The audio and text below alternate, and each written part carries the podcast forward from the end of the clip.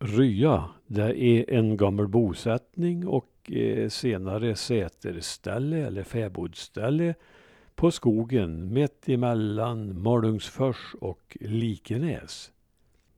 Där kom det upp en skylt för några år sedan där det stod järnvägscafé och fick många att skaka på huvudet. Nya Värmlandstidningen den 27 i 2012. Man får förmoda att förbipasserande i våras tittade både en och två gånger på en skylt när de kommit till Rya, halvvägs på skogsvägen mellan Malungsfors och Likenäs. Järnvägscafé kunde de läsa på den handmålade skylten. Järnvägscafé mitt ute i skogen där man inte ser spåren av någon järnväg på åtskilliga mil och knappast någon bebyggelse. Inte nog med detta. Texten var skriven på franska. Café La Station de Train. Med tillägget No wifi, no telefon. Vilket väl inte bidrog till att minska förvåningen. Skylten satt uppe en knapp vecka och den som stannade och tog reda på fakta fick sin förklaring. Och kaffe. Den fyra mil långa vägen har genom tiderna haft mycket stor betydelse som förbindelseled mellan bygderna kring Klarälven och Västerdalälven. Mitt på sträckningen finns Rya, ett tidigare säterställe som visserligen ligger på Dalasidan men som brukats av folk från Dalby. Nära Rya rinner älven Femtan som bär sjön Femtens vatten ner till Klarälven. Där, strax väster om Ryas fäbodar, fanns från 1760-talet och ett 50-tal år framåt ett järnbruk, Femtofors bruk, ej att förväxla med Femto bruk i Klarälvdalen. Att ett järnbruk blev förlagt hit beror på att det fanns god tillgång på myrmalm. Olof Hampus har fått fram uppgifter om att Rya före brukets tid var ett värmländskt torp. Även efter järnbrukets tid var Rya en viktig plats för vägfarande mellan Dalarna och Klarälvdalen och vidare mot Norge. De flesta vägarna över skogen var enkla klövjestigar medan den viktigaste färdvägen gick över Rya och benämndes den stora vintervägen. Här färdades timmerkörare, hästhandlare och handelsmän och Ryans fäbod var lämpligt natthärbärge. Trafiken var intensiv på den tid den mesta handeln företogs på marknader. Varor som transporterades för försäljning eller bytesaffärer kunde vara smidesvaror som liar, hästskor och spik och dalkarlarna hämtade hästar så långt bort som i Gudbrandsdalen. Stora hästkaravaner drog då fram förbi Rya. Ett stort färdstall kunde ta emot upp till trettiotalet hästar. Där måste ha gått livligt till ibland på den nu så stilla platsen. Mycket timmer fraktades över Rya till flottning på Klarälvens vattensystem och handeln var en tid så omfattande att en timmeruppköpare hade sitt tillhåll i Rya. Andra bofasta har också funnits där, så litet mer än en säter har det allt varit. 1855 flyttade Per Amundsson från Likenäs dit som nygift och odlade upp myrmarkerna. Han hade en stor kreatursbesättning och byggde ett stort bostadshus som sedan blev flyttat till Likenäs, kallat Ryanäs.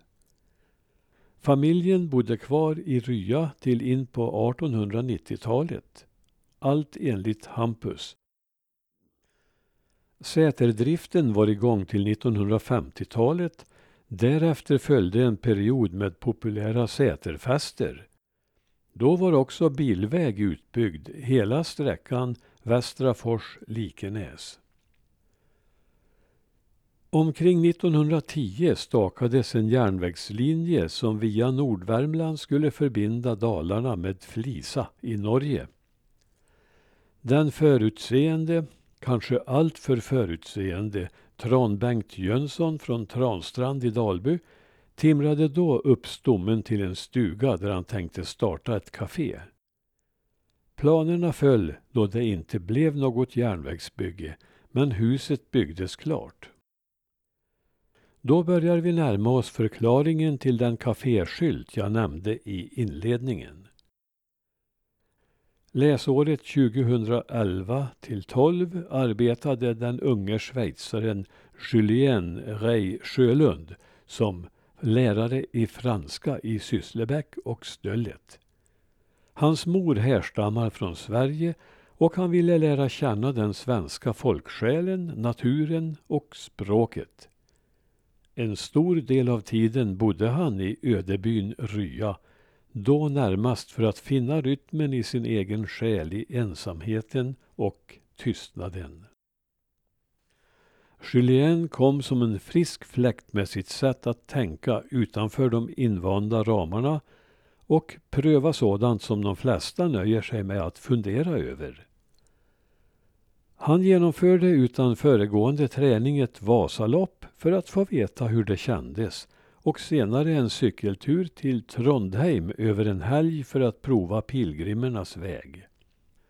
Ibland kändes det skönt att fiska en natt eller att sätta sig på en stubbe och spela koncertina för fåglarna. Med stort intresse har han också hunnit sätta sig in i bygdens språk och historia. Jag tror det är viktigt att prova på ensamheten en tid, säger han själv. Jag trivs med tystnaden. I Rya fick man också prova att klara sig utan större utgifter och utan moderniteter. Telefon och wifi fungerade inte där och det kan faktiskt upplevas som en ren lyx i dessa dagar. Julien hörde talas om de gamla planerna på järnväg förbi Rya och att huset han hyrde var uppfört som ett järnvägscafé. Nu var tiden kommen. Han satte upp kaféskylt på sitt eget språk, laddade kaffekokaren och gräddade crepes. Så inväntade han kafégästerna. På de fyra försöksdagarna hade han fem gäster. Fem förvånade gäster. De sa inget, men deras miner sa ”Är han inte klok?” säger Julien. Sedan de fått förklaring tyckte de att idén var god.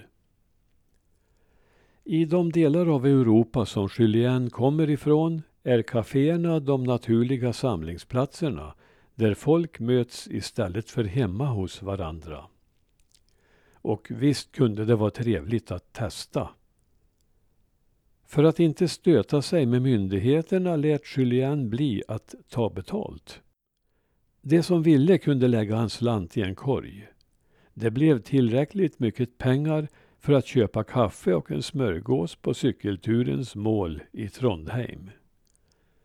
Nu är Julien återbördad till Schweiz varifrån han distansundervisar i franska på Dalarnas högskola samtidigt som han själv distansstuderar på Sorbonne och sysslar med film. Några nya kaféplaner finns inte. Under älgjakten tog han en tur till Värmland.